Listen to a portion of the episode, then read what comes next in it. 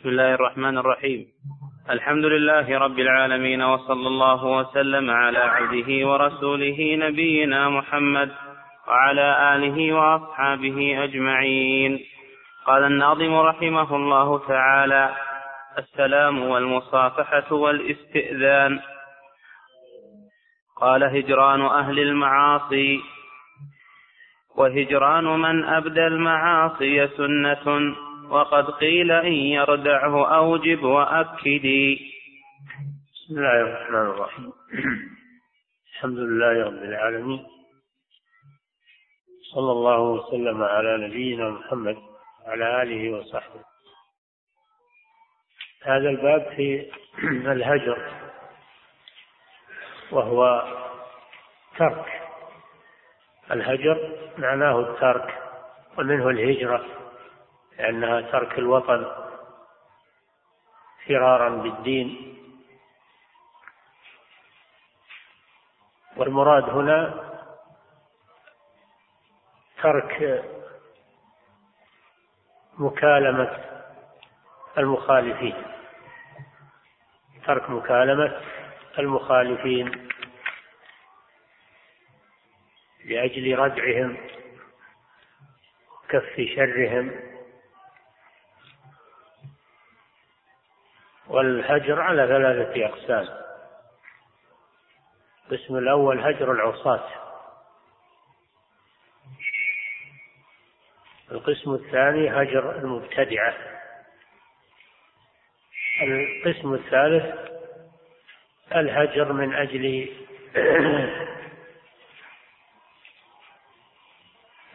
من أجل كون المهجور أساء إلى إلى من هجر. الهجر من أجل الإساءة في حق أحد. هذه أنواع الهجر التي سيتكلم عنها. نعم. وهجران من أبدى المعاصي سنة. وقد قيل إن يردعه أوجب وأكدي وقيل على الإطلاق ما دام معلنا ولاقه بوجه مكفهر مربد. نعم هجران أهل المعاصي يعني أصحاب الكبائر. أصحاب الكبائر كالذي يشرب الخمر أو الذي يرتكب جريمة الزنا أو غير ذلك من الكبائر. فهذا إن كان مجاهرا بمعصيته فإنه يهجر وإن كان غير مجاهر مستتر إن كان مستترا بمعصيته فإنه يستر عليه ويناصح يستر عليه ويناصح. وهل الهجر لأصحاب المعاصي سنة؟ يعني مستحب أو واجب على قولين في المذهب. القول الأول أنه سنة. مستحب. قول الثاني أنه واجب. وهذا هو الصحيح أنه واجب. نعم. وقيل على الإطلاق ما دام معلنا ولاقه بوجه مكفهر مربد فيهجر العاصي بشرطين. أولا أن يكون مجاهرا بمعصيته أما إن كان مستترا فهذا يناصح ولا يهجر. والشرط الثاني أن يكون في هجره ردع له. أما إذا كان هجره لا يزيده إلا شرا فهذا لا يهجر لكن يستمر معه في المناصحة مثل اللي يترك صلاة الجماعة أو يشرب الخمر أو يفعل شيء من الكبائر فهذا على التفصيل. كان مجاهرا أو كان مستترا. وإذا كان هجره يزيده شرا فإنه يناصح. ولا يهجر لأن هذا يزيده شرا. نعم. وقد هجر النبي صلى الله عليه وسلم. هجر ناسا من أصحابه حتى تابوا إلى الله. هجر الثلاثة الذين خلفوا أي تخلفوا عن غزوة تبوك. هجرهم خمسين يوما. وأمر الناس بهجرهم حتى تابوا إلى الله وأنزل الله توبتهم. هجر صلى الله عليه وسلم زوجاته شهرا لما أسأنا في حقه وطالبنه بأشياء لا يقدر عليها هجرهن شهرا. حتى ندمنا على ذلك وتبنا إلى الله عز وجل. فها وكذلك هجر الناشز هجر الناشز واهجروهن في المضاجع لأن لأن النشوز معصية. فهذا أصل هجران أهل المعاصي. نعم. ويحرم تجسيس على متستر بفسق وماضي الفسق إذ لم يجدد. نعم هو قلنا الشرط الأول أن يكون مجاهرا. أما إذا كان مستترا فإنه يستر ولا يتجسس عليه. ما يتجسس على المسلم ويكشف أمره. بل يستر عليه ويناصر الحديث من ستر مسلما ستره الله في الدنيا والآخرة. فلا يتجسس عليه في فعل شيء لا يظهره ويختفي به. فمعصيته لا تضره. معصيته لا تضر الناس إنما تضره هو فقط. المعصية إذا لم يجاهر بها فإنها لا تضر إلا صاحبها. أما إذا جوهر بها فإنها تضر صاحبها وتضر الناس. وكذلك لو كان معروف في الأول أنه كان من أصحاب الجرائم والفسق لكنه ترك هذا. فلا نبحث عن شيء مضى لا نبحث عن ماضيه. ما دام أنه الآن مستقيم. ما دام أنه الآن مستقيم فلا يعاب بشيء قد مضى وتركه. ونقول هذا فعل كذا وكذا وصار منه كذا وكذا. بل نترك ذكر هذا نستر عليه. نعم. أعد. ويحرم تجسيس على متستر. والتجسيس هو تجسس ولا تجسس. قال تعالى ولا تجسسوا وقال النبي صلى الله عليه وسلم لا تجسسوا. التجسس هو هو البحث عن أشياء مستترة أو أشياء ماضية. فلا نتجسس على المسلمين. إن الذين يحبون أن تشيع الفاحشة في الذين آمنوا لهم عذاب أليم. الدنيا والآخرة. الله يعلم وأنتم لا تعلمون. والله جل وعلا ستير يحب الستر. نعم. ولو فتشت ما تجد أحدا سالما ولكن الله يستر على المسلمين. ما دام إنه لم يظهر ولم يجاهد. نعم. ويحرم تجسيس على متستر. بفسق وماضي الفسق إذ لم يجدد. وماضي الفسق يعني أنه ما يبحث عن ماضيه ما دام أنه الآن مستقيم فلا يبحث عن ماضيه الذي تركه. إلا إن جدد هذا وعاد إليه إذا جدد هذا وعاد إليه فإنه يهجر. نعم.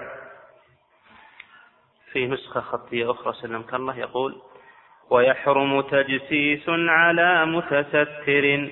بفسق وماضي الفسق إن لم يحدد. إن لم يجدد ما هو يحدد؟ يجدد يعني يعود إليه مرة ثانية. نعم. وبإقامة الحد سنة كم ها؟ إقامة الحد. لا يجددي صحيح نعم. الله. وهجران من يدعو لأمر مضل أو مفسق احتمه بغير تردد. احتمه. نعم. وهجران من يدعو لأمر مضل أو مفسق احتمه بغير تردد.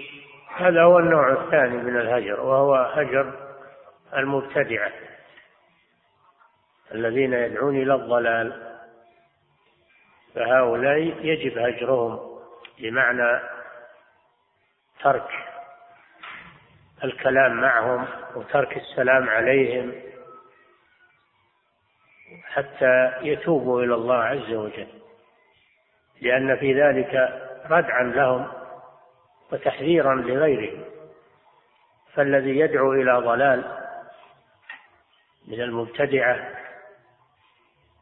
يجب هجره إذا كانت بدعته مكفرة أو كانت مفسقة يجب هجره إذا كانت بدعته تقتضي الكفر كالقول بخلق القرآن أو تقتضي الفسق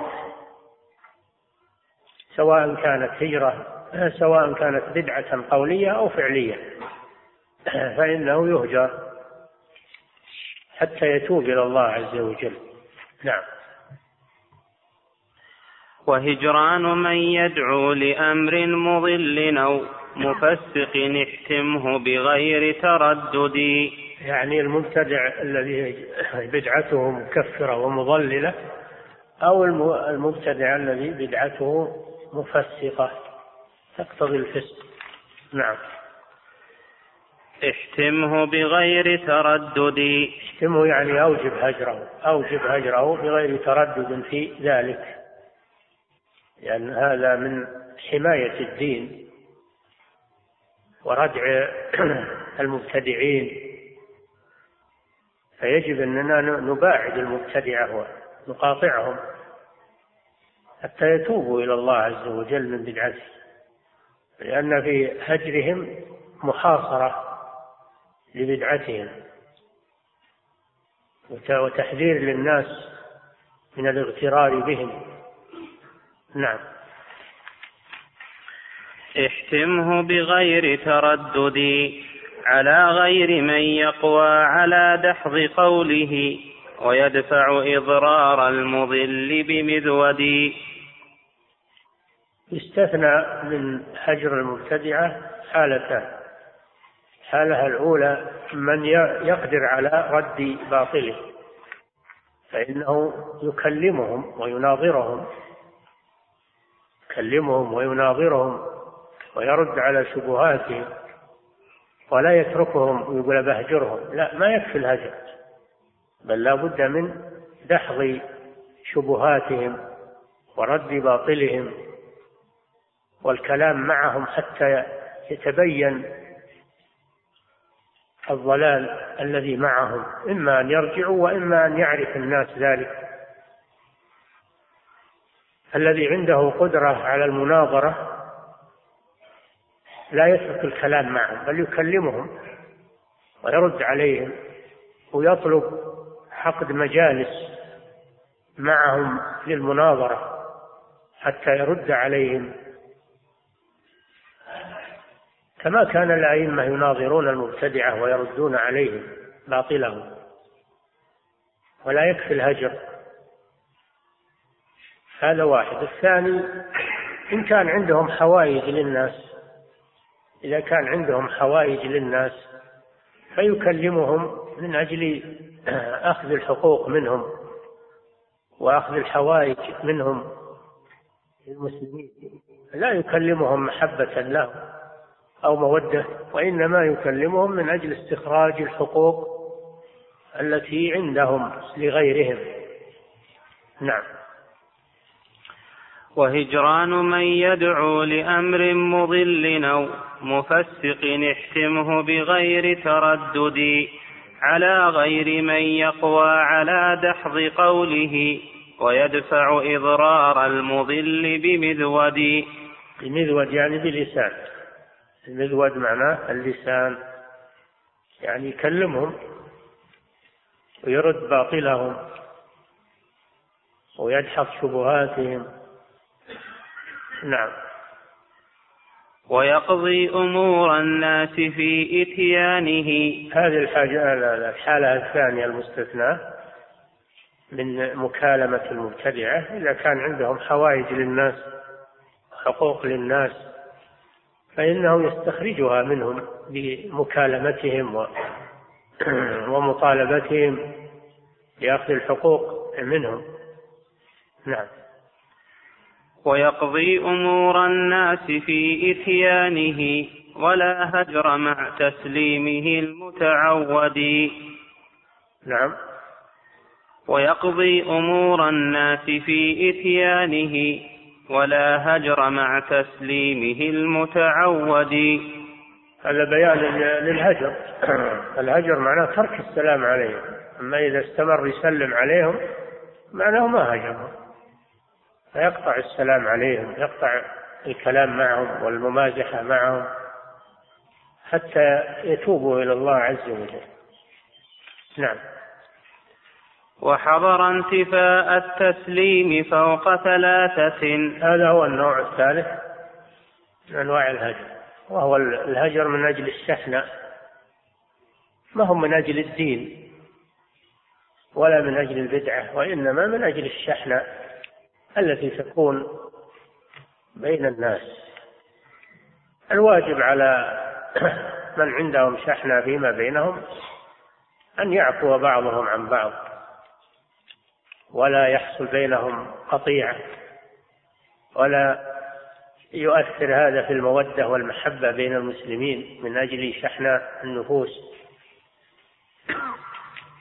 فإن كان ولا بد لأن الإنسان بشر ولا يتحمل فإنه لا بأس أن يهجره ثلاثة أيام. فقط يهجره ثلاثة أيام تشفيا لنفسه و فإذا مضت الثلاثة فإنه يجب عليه أن يسلم عليه وأن يعيد المودة معه.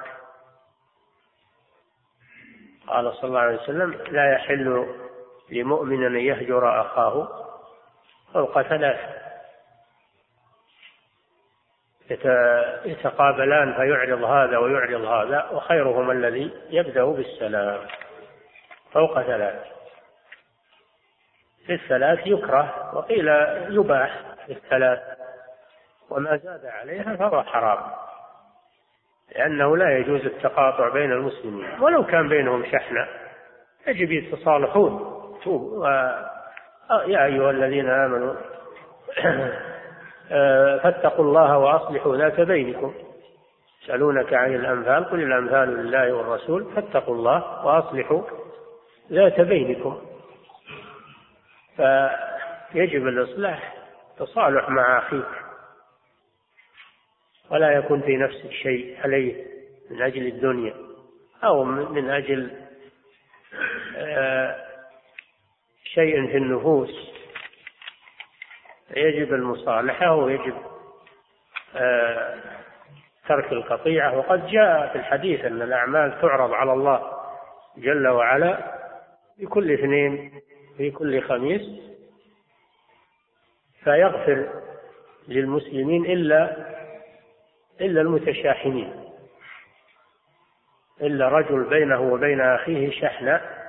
فإن الله جل وعلا يقول أنظروا هذين حتى يصطلحا. تمتنع المغفرة في حقهم حتى يصطلحا.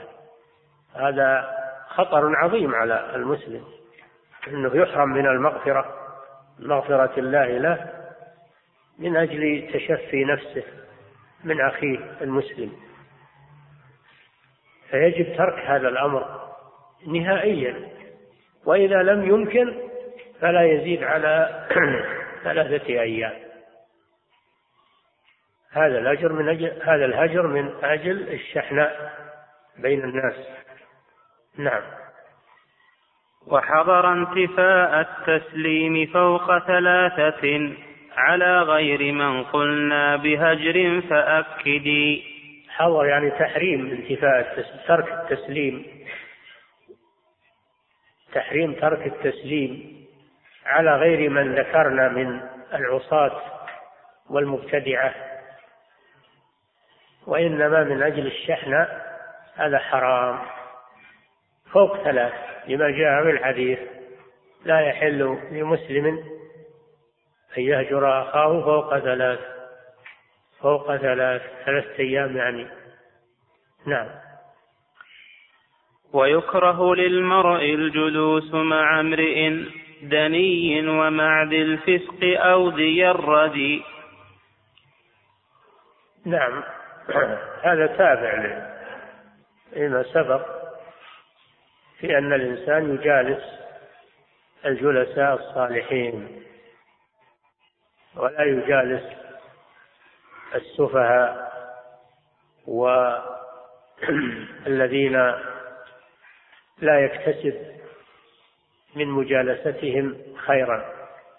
فيجب على المسلم أن يختار الجلساء الصالحين الذين يستفيد منهم في دينه ودنياه ويتجنب الأراذل والسفهاء السفلة. فلا يجالسهم لأنهم ينقصون دينه وينقصون مروءته. إذا صحبت قوما فاصحب خيارهم ولا تصحب الأرض فتردى مع الردي لا عن المرء لا تسأل وسل عن قرينه فكل قرين بالمقارن يقتدي. فإذا أردت أن تعرف عن هذا الشخص وعن أخلاقه واستقامته فانظر إلى جلسائه. إن كان يجالس الأخيار فاعلم أن فيه خيرا ومروءة وإن كان يجالس الأشرار فاعلم أنه لا خير فيه. المجالسة لها دور كبير في استقامة الشخص أو في انحطاطه. فعلى المسلم أنه يختار الجلساء الصالحين الطيبين. نعم. ويكره للمرء الجلوس مع امرئ دني ومع ذي الفسق أو ذي الرياء الردي كذا مع نعم. ويكره للمرء يكره كراهة تنزيه إنك تجالس الدني. الدني اللي ما يت... اللي ما يتجنب سفاسف الأمور والسفاهات. هذا دني. وصاحب الفسق أشد. أي مجالسة صاحب الفسق هذه أشد على الإنسان لأنه يتدنس بمجالسته وينزل قدره عند الناس أيضا. إذا رأوه يجالس مثل هؤلاء الفسقة. نعم. أعد. ويكره للمرء الجلوس مع امرئ دني ومع ذي الفسق أو ذي, أو ذي الرياء الردي.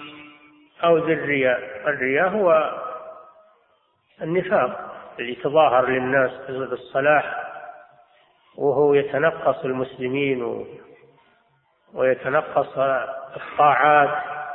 وما أكثر هؤلاء ما أكثر الذين يتظاهرون بالصلاح وإذا خلا بعضهم مع بعض صاروا يتكلمون في الدين وأمور الدين وأصحاب الديانة ويتنقصونهم ويصفونهم بالأوصاف الرديئة. هذا رياء أنه له وجهان له وجه مع الناس الصالحين ووجه مع الناس غير الصالحين. هذا لا تصحبه اتركه. قال صلى الله عليه وسلم تجدون شر الناس ذا الوجهين الذي يأتي هؤلاء بوجه ويأتي هؤلاء بوجه. يجب على المسلم أن يكون ظاهره وباطنه سواء. ما يكون له ظاهر وباطن. أو يمدحك إذا لقيك وإذا غبت صار يتكلم فيك. هذا من من أخلاق المنافقين وأهل الرياء. الذين يتراءون بالخير وهم يبطنون الشر. فهذا فيه التحذير من مجالسة المنافقين. ثلاثة أصناف. مجالسة أهل الدناءة هذا واحد. مجالسة الفسقة. هذا اثنين. مجالسة أهل النفاق. هذا ثلاثة. احذر من هؤلاء الأصناف الثلاثة. لا تجالسهم. فيصيبك من عدواهم ما يصيبك. نعم. كذا مع سخيف وهو من رق عقله ومع لاعب الشطرنج والنرد والردي كذا المجالسة السفهاء. هذا الرابع. مجالسة السفيه وهو خفيف العقل. لا تجالس الذين عقولهم خفيفة. لئلا تتأثر بهم. جالس العقلاء أهل العقول الراجحة. ولا تجالس أهل العقول الخفيفة لأنهم لا يتورعون عن سفاسف الأمور. وكذلك لا تجالس وهذا النوع الخامس لا تجالس أهل الألعاب السيئة اللي يلعبون النرد والشطرنج. هذا حرام النرد والشطرنج حرام. وهما من النرد والشطرنج من من من أخلاق المجوس. فلا يجوز الجلوس مع من يلعب النرد والشطرنج أو يلعب الورق. لعب الورق إذا كان على عوض فهو قمار حرام. ان كان على غير عوض فهو سفاهة. فلا تضيع وقتك. وتضيع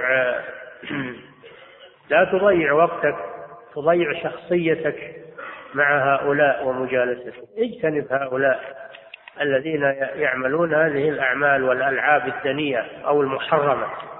الألعاب الدنيئة أو المحرمة. المسلم وقته وقت جد ما هو وقته وقت هزل ولعب. فهؤلاء خمسة أصناف. تجنب مجالستهم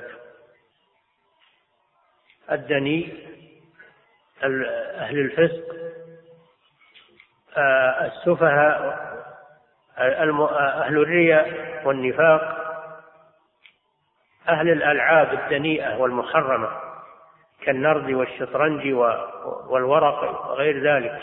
نعم. ومتهم في دينه أو بعرضه به أفتى ابن حمدان فتابعه واقتدي. هذا نوع خامس المتهم أيضا. المتهم في دينه وفي عرضه. هذا لا تجالسه لأن الناس يصنفونك معه. إذا كان إنسان متهم في دينه بأنه فاسق أو أنه مبتدع أو في عرضه بأنه يفعل الفاحشة أو تفعل به الفاحشة و فمجرد الاتهام أما إذا كان أنه ثابت هذا هذا صاحب كبيرة هذا سبق في أول الكلام. لكن مجرد أنه متهم والناس يتهمونه في الأمور هذه تجنبه أنت. تبتعد عنه. أنت في عافية. لأنك إذا جالسته اتهمك الناس معه. أصحاب التهم. لا تجالس أصحاب التهم. نعم. ومتهم في دينه أو بعرضه به أفتى ابن حمدان فتابعه واقتدي. ابن حمدان صاحب الرعاية من أئمة الحنابلة من أئمة الحنابلة الكبار. نعم. السلام والمصافحة والإستئذان. أعدهم هؤلاء الجلساء. ويكره للمرء الجلوس مع امرئ دني ومع ذي الفسق أو ذي الرياء الردي. هذول ثلاثة نعم. كذا مع سخيف وهو من رق عقله. هذا الرابع. ومع لاعب الشطرنج والنرد والردي. هذا الخامس نعم. ومتهم في دينه أو بعرضه. به أفتى ابن حمدان فتابعه واقتدي. هؤلاء ستة لا تجالسهم. وابتعد عنه الإنسان يحتاج إلى الجلساء. الإنسان ما يعيش وحده. لا بد يجالس الناس يستأنس مع الناس. لكن عليك باختيار أهل المروءة وأهل الدين. اجعلهم جلساء. والمرء يعرف من جليسه. يعرف من جليسه. فإذا اخترت الأخيار وجالستهم صنفت معهم. وإذا اخترت غيرهم صنفت معهم. المجالسة أمرها مهم جدا.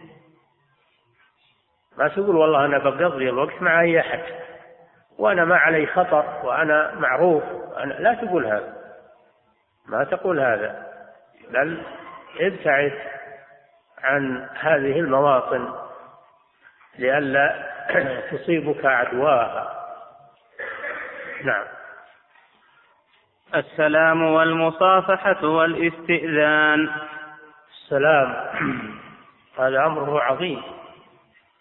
السلام وهو التحية بين المسلمين. والسلام قال النبي صلى الله عليه وسلم أيها الناس أطعموا الطعام وأفشوا السلام وصلوا بالليل والناس نيام تدخلوا الجنة بسلام. وقال عليه الصلاة والسلام لا تدخلوا الجنة حتى تؤمنوا ولا تؤمنوا حتى تحابوا. ألا أدلكم على شيء؟ إذا فعلتموه تحاببتم أفشوا السلام بينكم. أفشوا السلام بينكم. السلام أمره عظيم. وأثره عظيم. أنه يذهب الوحشة بين المسلمين ويزرع المودة بين المسلمين. فيشرع ويتأكد إفشاؤه بين المسلمين. إذا لقيت أخاك المسلم فسلم عليه سواء عرفته أو لم تعرفه. مجرد ما تلقاه سلم عليه. وابتداء والابتداء بالسلام سنة. الابتداء بالسلام سنة مؤكدة ورده واجب. قال الله جل وعلا وإذا حييتم بتحية فحيوا بأحسن منها أو ردوها. إن الله كان على كل شيء حسيبا. فالسلام أمره عظيم بين المسلمين. ولا يستبدل بألفاظ غير السلام. لا يقال مرحبا ولا كيف أصبحت لا بل يقول السلام عليكم ويقول الآخر وعليكم السلام. وإن زاد فقال ورحمة الله وإن زاد قال ورحمة الله وبركاته. هذا أحسن. وإلا على الأقل يرد مثل ما ابتدي. يقول وعليكم السلام. هذا واجب. السلام يكون عند اللقاء. ويكون عند الاستئذان أيضا عندما تريد الدخول على محل فإنك تسلم وتستأذن. يا أيها الذين آمنوا لا تدخلوا بيوتا غير بيوتكم حتى تستأنسوا وتسلموا على أهلها. السلام أمره عظيم والسلام قيل إنه من أسماء الله. فإذا قلت السلام عليكم فكأنك تقول اسم الله عليك. اسم الله عليك تحل عليك بركاته وخيره. وقيل السلام هو الدعاء بالسلامة. هو الدعاء بالسلامة. السلام عليكم أي أدعو لكم بالسلامة من كل مكروه. فالسلام يزيل الوحشة بين المسلمين. لو لقيك واحد ولا سلم عليك ماذا يكون يعني؟ ماذا يكون مردودك؟ كن عندك عليه وحشة وتخاف منه. فإذا سلم عليك ذهب ما ما تحس به واستأنست به. ولهذا قال صلى الله عليه وسلم أفشوا ألا أدلكم على شيء إذا فعلتموه؟ تحاببتم أفشوا السلام بينكم. نعم. وكن عالما أن السلام لسنة وردك فرض. أكن وكن عالما أن السلام لسنة. لسنة لسنة تأكيد. لام هذه لام التأكيد نعم. عفى الله وكن عالما أن السلام لسنة وردك فرض ليس ندبا بأوطد. هذا في الآية. وإذا حييتم بتحية فحيوا بأحسن منها. هذا واجب. حيوا بأحسن منها أو ردوها. الواجب أن يرد مثلها والمستحسن أن يزيد عليها. أن يزيد عليها. ولما جاء رجل إلى مجلس النبي صلى الله عليه وسلم قال السلام عليكم. قال النبي صلى الله عليه وسلم وعليكم السلام حشر. جاء الآخر قال السلام عليكم ورحمة الله. فقال النبي صلى الله عليه وسلم وعليكم السلام ورحمة الله عشرون. جاء الثالث فقال السلام عليكم ورحمة الله وبركاته. قال عليكم السلام ورحمة الله وبركاته ثلاثون. ثم سئل صلى الله عليه وسلم عن العشر والعشرين والثلاثين. قال عشر حسنات وعشرين حسنة وثلاثين حسنة. وكل ما زاد زادت الحسنات. نعم. وكن عالما أن السلام لسنة. ورد يعني الابتداء بالسلام. الابتداء بالسلام سنة مؤكدة. نعم. وكن عالما أن السلام لسنة وردك فرض ليس ندبا بأوطد وردك فرض. السلام الابتداء بالسلام سنة وردك على المسلم فرض وليس سنة فقط. نعم. ويجزئ تسليم امرئ من جماعة ورد فتى منهم عن الكل يا عدي. نعم. ويجزئ تسليم امرئ من جماعة.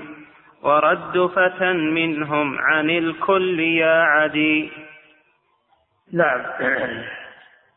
إذا جاء جماعة إذا جاء جماعة وسلم منهم واحد يكفي لأن البداء بالسلام سنة كفاية.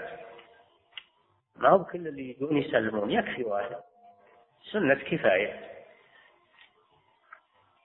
والرد كذلك لو سلمت على جماعة سلمت على جماعة سلم منه رد السلام منهم واحد. رده أيضا واجب كفاية. رده واجب كفاية. إذا إذا رد واحد منهم فإنه حصل حصل الفرض هو الواجب ولو لم يردوا كلهم يكفي واحد. هذا من آداب السلام.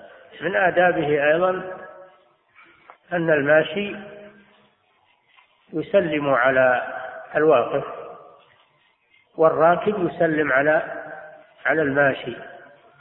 الراكب يسلم على الماشي والماشي يسلم على القاعد. هذا هذا من آداب السلام. نعم. والقليل يسلم على الكثير. نعم. وتسليم نزر والصغير وعابر. أعد عفى الله عنك. ويجزئ تسليم امرئ من جماعة. لأنه سنة كفاية البداء بالسلام سنة كفاية من الجماعة. نعم. ويجزئ تسليم امرئ من جماعة. ورد فتى منهم عن الكل يا عدي. ورد فتى منهم يعني واحد منهم أيضا يكفي يحصل به الواجب. نعم. وتسليم نزر والصغير وعابر. تسليم. سم. تسليم. وتسليم نزر والصغير. يعني قليل. النزر يعني القليل يسلم القليل على الكثير. نعم. وتسليم نزر والصغير وعابر. وتسليم الصغير على الكبير. هذا هو السنة أن الصغير يسلم على الكبير. نعم. وعابر السبيل. والماشي يسلم على القاعد. يسلم على القاعد. نعم. وتسليم نزر والصغير وعابر. السبيل وركبان على الضد أيدي. وكذلك الراكب يسلم على الماشي. الراكب يسلم على الماشي إذا التقيا. واحد الراكب وواحد يمشي. السنة أن الراكب هو اللي يسلم. نعم. وإن على الضد يعني في كل ما ذكر. على الضد في كل ما ذكر. النزر يعني القليل يسلم على الكثير الصغير يسلم على الكبير. آه، الراكب يسلم على الماشي. نعم. وإن سلم المأمور بالرد منهم فقد حصل المسنون إذ هو مبتدي. وإن وإن سلم المأمور بالرد منهم فقد حصل المسنون إذ هو مبتدي. نعم وإن سلم كما سبق إذا سلم إذا سلم واحد من الجماعة يكفي. وإذا رد واحد من الجماعة المسلم عليهم يكفي لأن هذا في البداية سنة كفاية وفي الرد واجب كفاية. نعم. وسلم إذا ما قمت من حضرة امرئ وسلم إذا ما جئت بيتك تقتدي كما أنه يشرع السلام عند عند قدومك إلى المجلس كذلك يشرع السلام عند مغادرة المجلس. فتسلم إذا قدمت إلى المجلس على الحاضرين وإذا قمت من المجلس وانصرفت أيضا تسلم ولا تذهب بدون سلام. هذا هذا غير هذا مكروه يعني الترك لسنة. النبي صلى الله عليه وسلم يقول ليست الأولى بأولى من الثانية. نعم. ما قمت من حضرة امرئ وسلم إذا ما جئت بيتك تقتدي. كذلك إذا دخلت بيتك من المواضع التي يشرع فيها السلام حين تدخل بيتك تسلم على من فيه من أهلك. تسلم على تبدأ بالسلام. أول شيء تبدأ بالسلام على أهل البيت. نعم. وإفشاؤك التسليم يوجب محبة من الناس مجهولا ومعروفا اقصدي نعم. هذه فائدة السلام. هذه فائدة السلام أنه يزرع المحبة في النفوس ويجتث يجتث التباعد بين القلوب.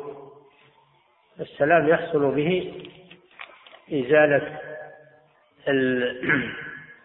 إزالة التباعد ويحصل به المودة إذا أفشي. وأيضا تسلم على من عرفت ومن لم تعرف. هو ما, ما تسلم إلا على واحد تعرفه لا سلم على من لقيت من المسلمين. سلم على من لقيت من المسلمين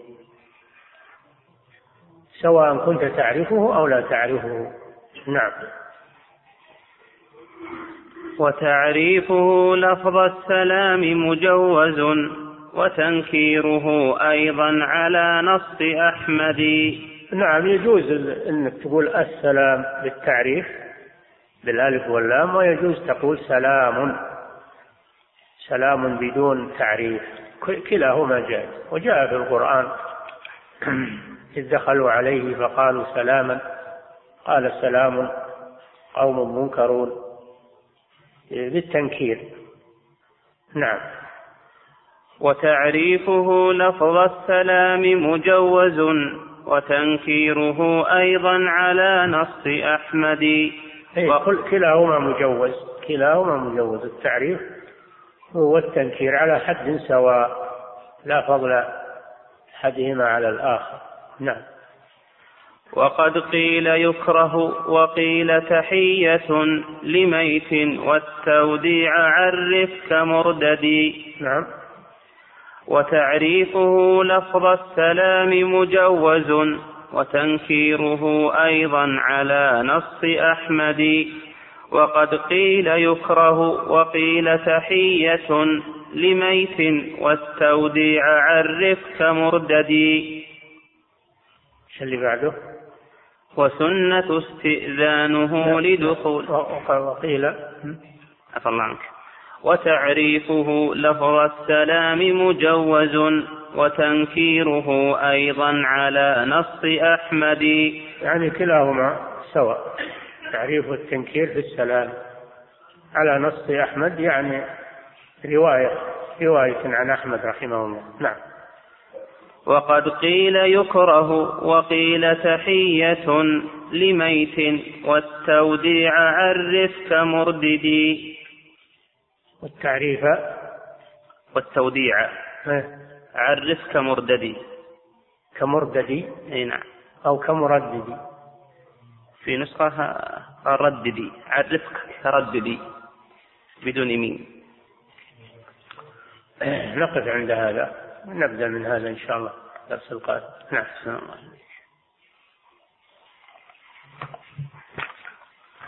أحسن الله إليكم صاحب الفضيلة.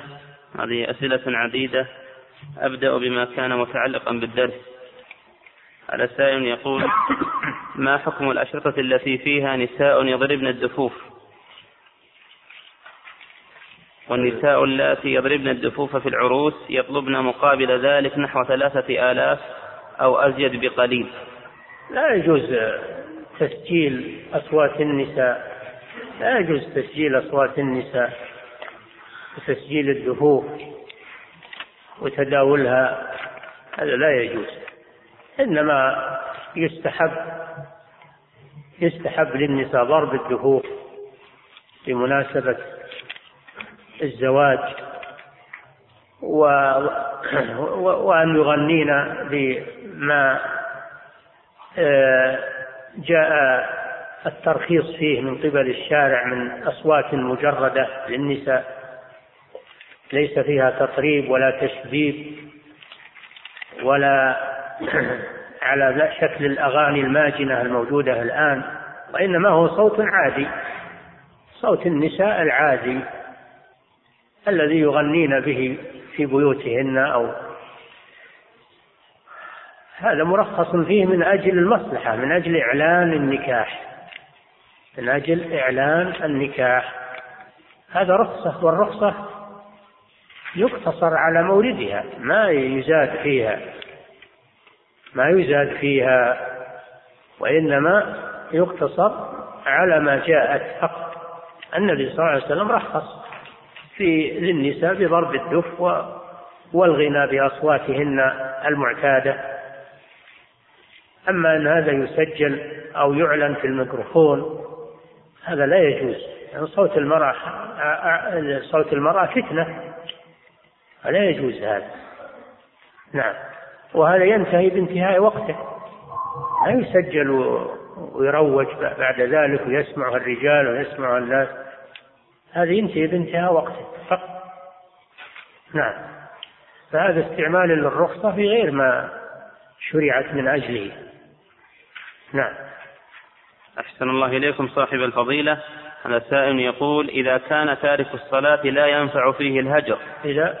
إذا كان تارك الصلاة لا ينفع فيه الهجر بل يزيده إعراضا فما حكم هجره؟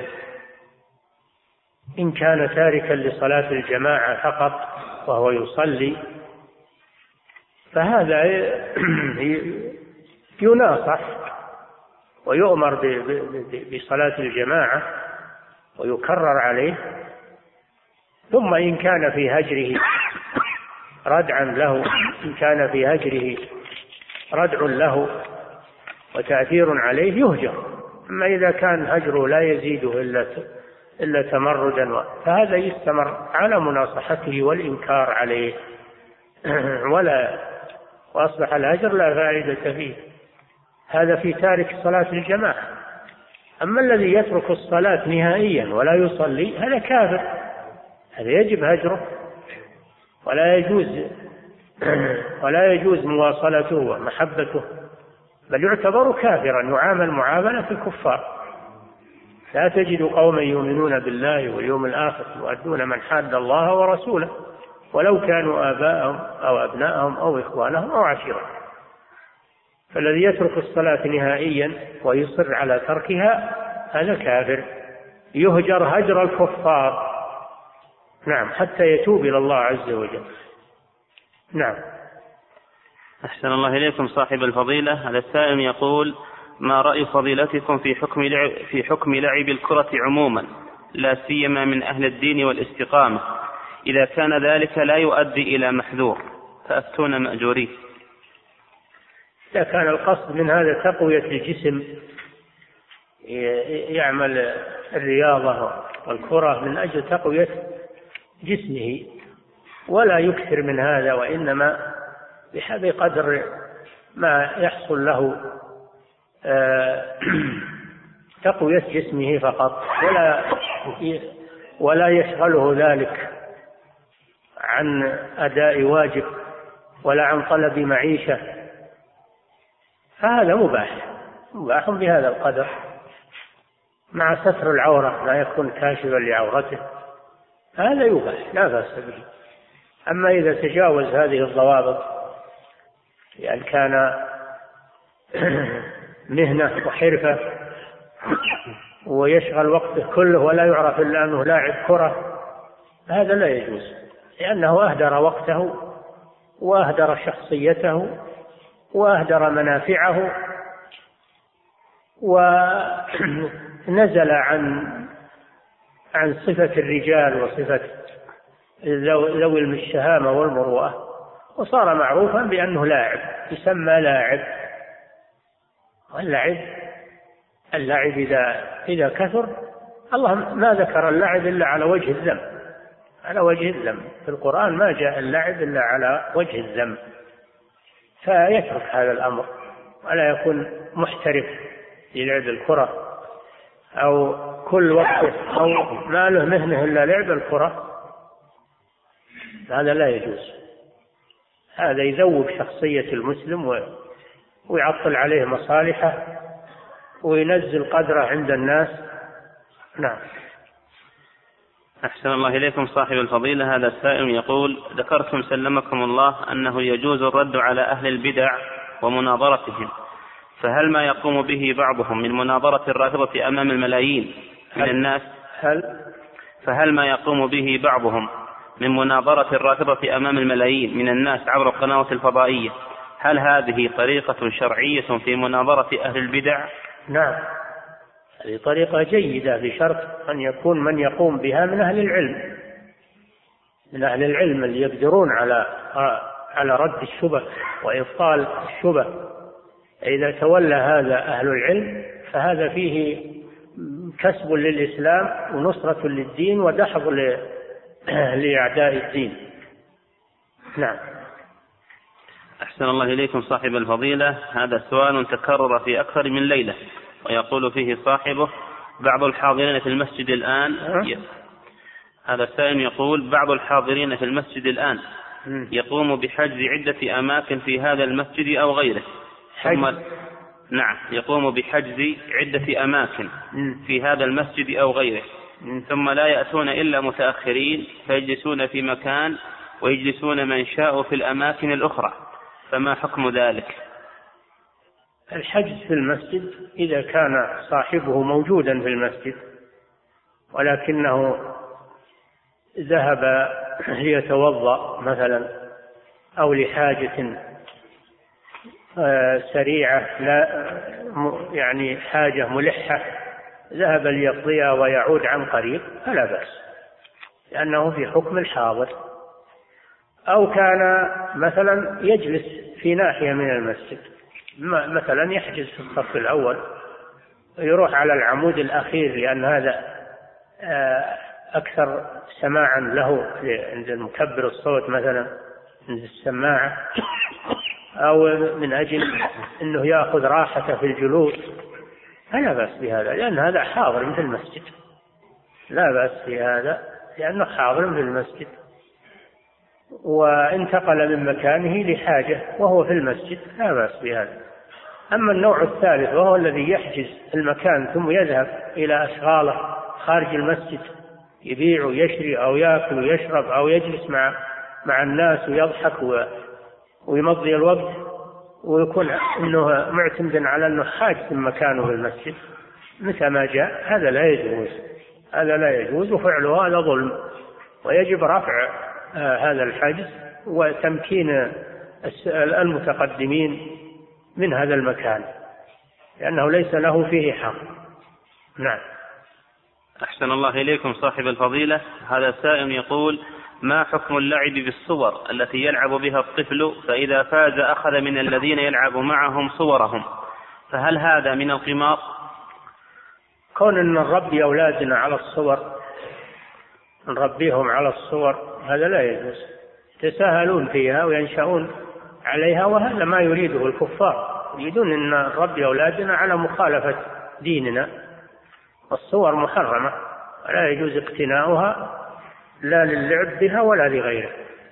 إلا الصور الضرورية التي يحتاجها الإنسان لشؤونه التي لا بد له منها. كصورة البطاقة الشخصية وجواز السفر رخصة القيادة. هذه ضرورية. وأما الصور اللي تقتنى للعب أو تقتنى للذكريات أو تقتنى على أنها مناظر مناظر تعلق على الجدران هذه محرمة. ويجب إتلافها. قال صلى الله عليه وسلم لعلي بن أبي طالب لا تدع صورة إلا طمستها. فلا يجوز اقتناؤها لغير الضرورة. ولا نعود أطفالنا على الصور نقول هذه ألعاب. ونعودهم على القمار لأنهم إذا إذا لعبوا بها في مقابل أخذ جوائز هذا أيضا تربية لهم على القمار لأن أخذ الجوائز على الألعاب هذا قمار فلا يجوز هذا. نعم. أحسن الله إليكم صاحب الفضيلة. هذا سائل يقول ذكرتم أن مجرد التهمة مانعة للمسلم من صحبة المتهمين. يا شيخنا أليس المرء بريء حتى تثبت إدانته؟ وإلا فإن بعض العلماء يتهمون في أعراضهم. فهل مجرد التهمة تجعلنا أو تجعلنا؟ فيه تهمة وفيه فرية الفرية هذه لا تجوز. وأما التهمة اللي الناس ما هو بواحد ولا اثنين. الناس كلهم يتهمون هذا الشخص. تهمة متكررة عند الناس كلهم. مشهورة هذا هو المتهم أما عدو مع عدوه يتهمه ويفتري عليه هذا لا يصدق. هذا لا يصدق. نعم. أحسن الله إليكم صاحب الفضيلة. هذا السائل يقول إذا كان إلقاء السلام سنة مؤكدة إذا كان إلقاء السلام سنة مؤكدة فكيف نحمل الأحاديث التي توجب مثل توجب ذلك؟ مثل قوله صلى الله عليه وسلم أفشوا السلام. وقوله ليسلم الصغير على الكبير. نعم. هذا بالإجماع عند العلماء أن البداء بالسلام سنة ليست واجبة. والله جل وعلا يقول إذا حيي وإذا حييتم بتحية وإذا حييتم بتحية فحيوا بأحسن منها. وفيما أعلم أن هذا محل إجماع أن البداء بالسلام سنة وأن رده واجب. نعم. أحسن الله إليكم صاحب الفضيلة. هذا السائل يقول هل زيادة لفظة ومغفرته في السلام واردة أم لا؟ الذي ورد السلام عليكم ورحمة الله وبركاته. أما زيادة مغفرته لا ما أدري ما, ما عندي فيها كلام. نعم. أحسن الله إليكم صاحب الفضيلة. هذا السائل يقول ما معنى الاستئناف الذي قبل السلام؟ وهل يأثم من لم يرد السلام؟ هذا يأتي إن شاء الله عند الاستئذان. عند الاستئذان إن شاء الله. نعم. يقول سلمك الله وهل يأثم من لم يرد السلام؟ نعم. رد السلام واجب. والواجب ما يثاب فاعله ويعاقب تاركه فيأثم إذا ترك رد السلام. نعم. أحسن الله إليكم صاحب الفضيلة. هذا السائل يقول ما حكم من رد السلام بقوله وعليكم السلام وعليكم السلام والرحمة لا بأس. الرحمة يعني رحمة الله. وقد يحذف المضاف وتزاد ال عوضا عنها. فقوله الرحمة أي ورحمة الله. لكن كونه يأتي به بلفظه ويقول عليكم السلام ورحمة الله هذا أفضل. نعم. أحسن الله إليكم صاحب الفضيلة. هذا السائل يقول هل السلام فقط بين المتهاجرين يكفي لإزالة ما بينهم؟ نعم السلام يزيل يزيل ما التهاجر بينهم. إذا سلم زال زال التهاجر بينهم. وإن كان فيه حقوق أو مظالم فلا بد من ردها. أما إذا مجرد شحنة نقول مجرد شحنة فقط. هذه هي التي لا تجوز ويجب المصالحة ويجب إزالتها بالسلام. نعم. أحسن الله إليكم صاحب الفضيلة. على السائل يقول هل تجوز المراهنة من طرف واحد فقط؟ كيف المراهنة؟ أبهم. أه؟ أبهم في سؤاله. إيه حنا نبهم في الجواب نقول ما ندري. نعم. أحسن الله إليك. أحسن الله إليكم صاحب الفضيلة. هذا السائل يقول هل يكتب السلام عليكم ورحمة الله وبركاته؟ نعم. هل؟ هذا السائل يقول هل يكتب السلام عليكم ورحمة الله وبركاته نهاية الخطابات المكتوبة؟ قال بدلا من قوله ولكم تحياتي. لكم تحياتي لا. ما هو بسلام هذا. ولا السلام عليكم ورحمة الله وبركاته. وإذا رد عليه يرد عليه وعليكم السلام ورحمة الله وبركاته كتابة. إذا جاءه السلام كتابة فيرد كتابة. نعم. أحسن الله إليكم صاحب الفضيلة. وهذا السائل يقول هل يجوز أن يكتب ولكم خالص تحياتي أم أن خالص التحية يكون لله فقط؟ ما أعرف في هذا الشيء أنه يمنع أنه يقول لكم خالص تحياتي لكن هذا لا يعد سلاما ولا يعد ردا للسلام. السلام يؤتى بلفظه. السلام عليكم أو سلام عليكم. نعم. أحسن الله إليكم صاحب الفضيلة. هذا سائل يقول هل ثبت قوله السلام علينا من ربنا عند دخول مكان لا يوجد فيه أحد؟ لا يقول السلام علينا وعلى عباد الله الصالحين. يشمل الملائكة ويشمل مسلمي المسلمين من الجن. يقول السلام علينا وعلى عباد الله الصالحين. إذا دخل بيتا ليس فيه أحد. أن هذا يكون سلاما على الحاضرين من الملائكة ومن المؤمنين من الجن. نعم. أحسن الله إليكم صاحب الفضيلة. هذا السائل يقول ما معنى كلامكم حفظكم الله؟ سنة كفاية. إذا قام بها من يكفي سقط الإثم عنه مثل فرض كفاية مثل واجب كفاية. هو الذي إذا قام به واحد سقط الإثم عن الباقين. بخلاف فرض العين أو واجب العين هذا لا لا بد من كل أحد أن يأتي به ولا يكفي فعل البعض عن البعض الآخر. أحسن الله إليكم صاحب الفضيلة. هذا السائل يقول إذا كان الراكب كبير ومر على صغير ماشي فهل يسلم الكبير الراكب؟ أحسن الله إليكم صاحب الفضيلة هذا السائل يقول إذا كان الراكب كبيرا ومر على صغير ماشي فهل يسلم الكبير الراكب على الصغير الماشي؟ نعم هذا هو ظاهر الحديث أن الراكب يسلم سواء كان كبيرا أو أو صغيرا على الماشي سواء كان الماشي صغيرا أو كبيرا هذا ظاهر الحديث. نعم. أحسن الله إليكم صاحب الفضيلة. هذا السائل يقول هل أسلم على من شكيت في إسلامه؟ إذا كان أنه في بلاد المسلمين هل أصل أن اللي في بلاد المسلمين؟ الأصل فيه أنه مسلم ما لم تعلم أنه غير مسلم. تبني على الأصل. نعم. أحسن الله إليكم صاحب الفضيلة. وهذا السائل يقول هل إذا كان مكان تفعل فيه معصية والسكوت عنهم يعتبر من الستر على المسلم؟ نعم.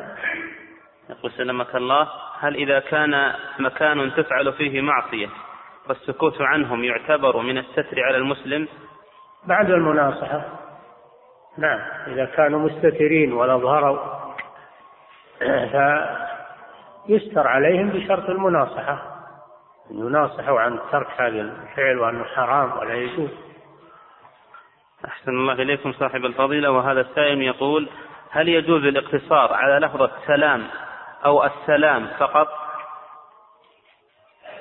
سبق هذا أنه في نص الإمام أحمد أنه سواء قال سلام عليكم أو قال السلام عليكم. وأما سلام قوم منكرون سلام هذا فيه تقدير يقولون فيه تقدير فيه تقدير عليكم أنه خبر لأنه مبتدأ خبره مقدر تقديره سلام عليكم. نعم. أحسن الله إليكم صاحب الفضيلة. هذا السائل يقول يذكر بعض الفقهاء من الحنابلة رحمهم الله أن المرأة لا يجوز لها الخلوة بإثنين. الأول أن المرأة أن المرأة لا يجوز لها الخلوة بإثنين. الأول الرجل الأجنبي والثاني القرد من الحيوانات. والأول القرد؟ أي نعم. قال والأول معروف الدليل أما الثاني ما الدليل عليه؟ أنا ما قلتها عشان طالبني بالدليل ما أدري. لكن إذا كان أنه يستعمل هذا القرد يعني بعض النساء والعياذ بالله تستعمل القرد والكلب للفاحشة إذا كان يستعمل لهذا الشيء فلا يجوز أن تخلو به لأنه مدرب لأنه يكون مدرب على هذا الفعل. نعم. أحسن الله إليكم صاحب الفضيلة. هذا السائل يقول يعمل معي في المكتب رافضة. ويسلمون علينا ونسلم عليهم ونعانقهم بعد الإجازات والأعياد. فهل يجوز ذلك؟ هذا لا يجوز. لا يجوز لكم أن تبدأوهم بالسلام ولا أن تعانقوهم. لا يجوز لكم. لأن هؤلاء أعداء الله ورسوله وأعداء المسلمين. فيجب هجرهم ومقاطعتهم وعدم المؤانسة معهم. نعم والضحك معهم نعم. أحسن الله إليكم صاحب الفضيلة. هذا السائل يقول هل هذا الحديث صحيح أن الرسول صلى الله عليه وسلم قال يا علي لا تنم إلا أن تأتي بخمسة أشياء قراءة القرآن كله والتصدق بأربعة آلاف درهم وزيارة الكعبة وحفظ مكانك في الجنة وإرضاء الخصوم. قال علي وكيف ذلك يا رسول الله؟ قال أما تعلم أنك إذا قرأت قل هو الله أحد ثلاث مرات فقد قرأت القرآن كله. هذا ما هو صحيح. هذا من أكاذيب الشيعة والرافض نعم. أحسن الله إليكم صاحب ليس من قرأ سورة الإخلاص ثلاث مرات يكون كمن قرأ القرآن كله. هذا ما هو صحيح. نعم. أحسن الله إليكم صاحب الفضيلة. هذا السائل يقول هل الرجوع إلى العلماء أصل من أصول أهل السنة؟ الله جل وعلا يقول فاسألوا أهل الذكر إن كنتم لا تعلمون. هذا أمر من الله للرجوع إلى أهل العلم. ويقول جل وعلا وإذا جاءهم أمر من الأمن أو الخوف أذاعوا به. ولو ردوه إلى الرسول وإلى أولي الأمر منهم فعلمه الذين يستنبطونه فالرجوع إلى أهل العلم واجب. ولا يجوز للجهال والعوام والمبتدئ والمبتدئين في طلب العلم أن يقتصروا على فهمهم أو على يجب عليهم أن يرجعوا إلى أهل العلم يسألوهم عما أشكل عليهم. نعم. أحسن الله إليكم صاحب الفضيلة. هذا السائل يقول هل يجوز أن يعق الإنسان عن المولود الذكر بشاة واحدة؟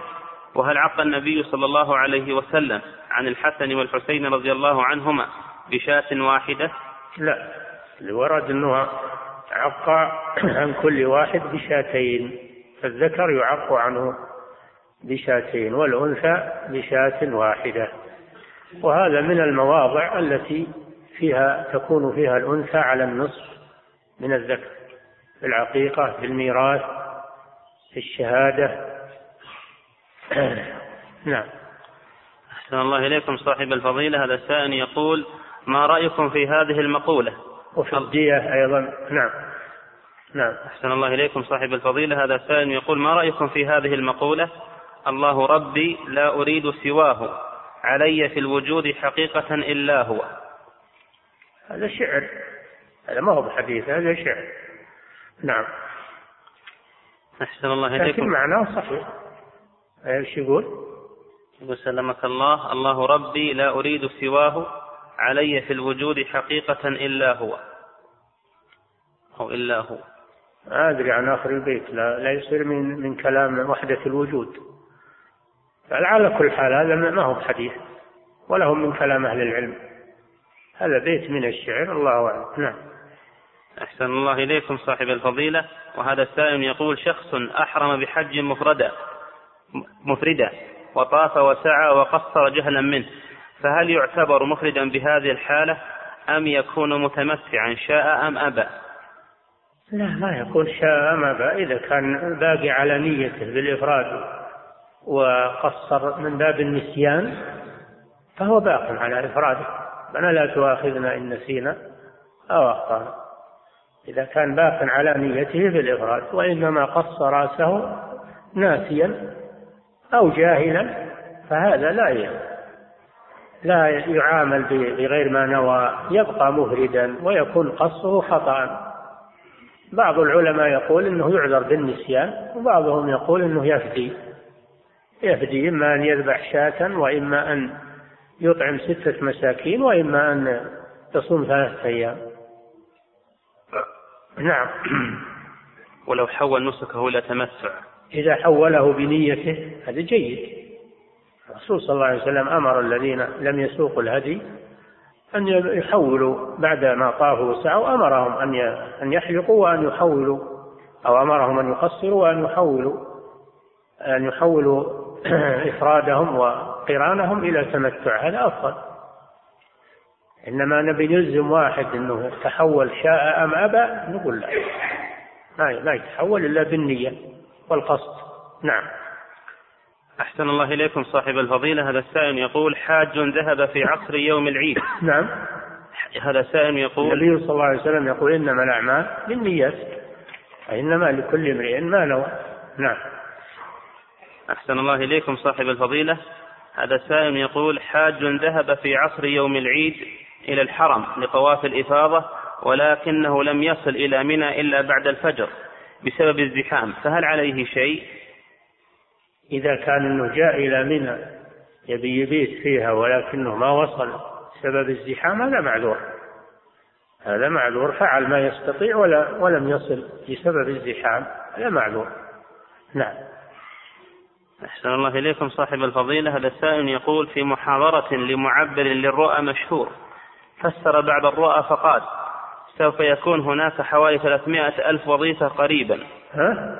قال سوف يكون هناك حوالي 300 ألف وظيفة قريبا ما بين ترسيم ووظيفة جديدة وأن ليلة القدر في هذا العام هي هي ليلة السابع والعشرين وأن تحرير القدس سيكون في الثاني من الشهر الثاني من عام 2002 أو مضاعفاتها في شهر اثنين من عام 2004 أو شهر اثنين من عام 2006 هذا كله من ادعاء علم الغيب وهو من أعمال الكهان وليس من تفسير الرؤيا.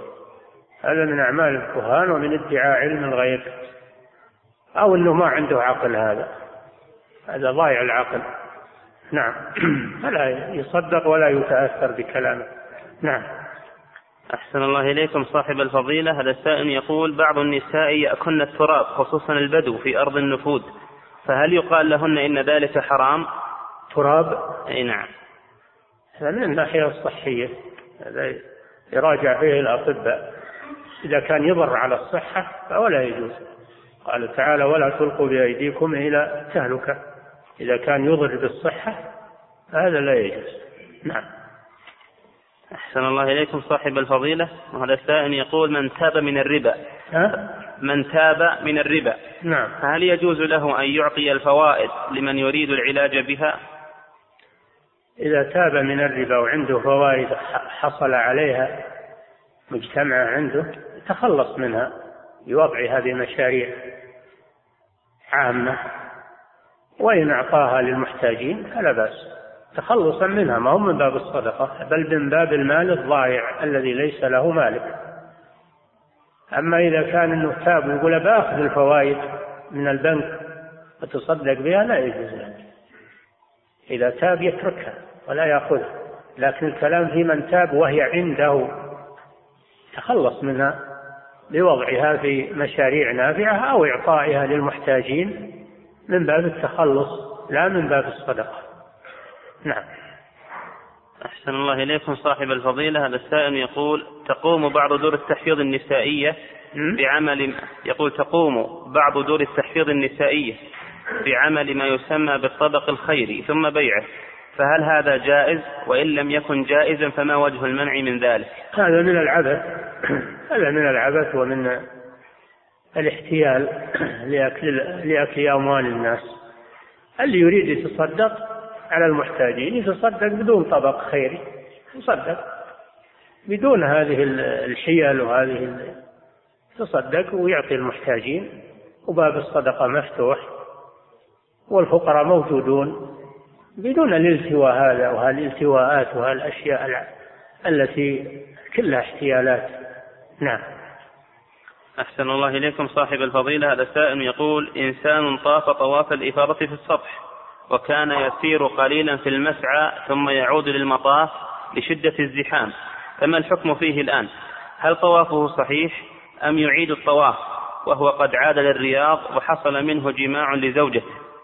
وهل يعذر بجهله والحالة هذا هذا ما صح طوا... ما صح طوافه لأنه طاف بعض بعض الطواف في المسعى والمسعى ليس محلا للطواف طواف في المسجد داخل المسجد والمسعى خارج المسجد وهو مشعر مستقل تدخله الحائط تجلس فيه الحائط تسعى فيه الحائط فهو ليس له أحكام المسجد.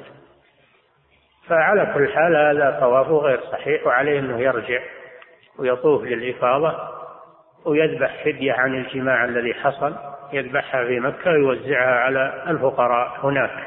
نعم. أحسن الله إليكم صاحب الفضيلة.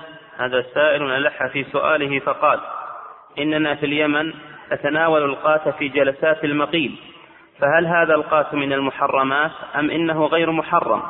فنحن حائرون في هذه المسألة وهناك عدد كبير من العلماء يتناوله عندنا في اليمن فأفيدونا مأجورين.